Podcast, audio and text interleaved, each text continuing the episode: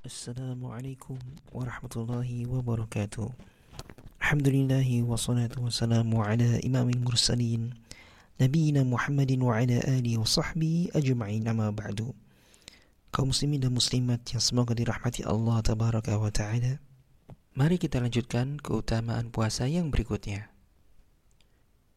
Keutamaan puasa yang kedua adalah di dalam surga terdapat satu pintu dan hanya orang yang berpuasa masuk melalui pintu tersebut pada hari kiamat. Hal ini berdasarkan hadis Rasulullah sallallahu alaihi wasallam yang di mana beliau bersabda, "Inna fil jannati baban yuqalu lahu ar-rayyan."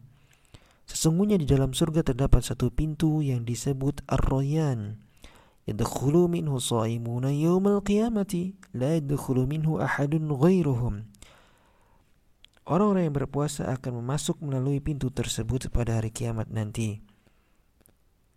Dan orang selain mereka tidak akan memasukinya. Yuqalu Aina shaimun? Fayadkhuluna minhu. Nanti orang yang berpuasa akan diseru. Mana orang yang berpuasa? Lantas mereka pun masuk melalui pintu tersebut.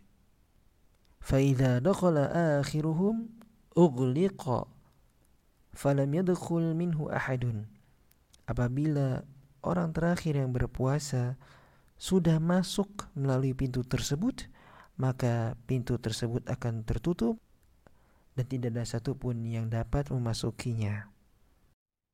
Hadis ini selain menunjukkan keutamaan puasa, juga menampakkan keutamaan orang-orang yang berpuasa semasa hidupnya. Demikian keutamaan puasa yang kedua. Semoga Allah memberikan taufik kepada kita semua. Wassalamualaikum warahmatullahi wabarakatuh.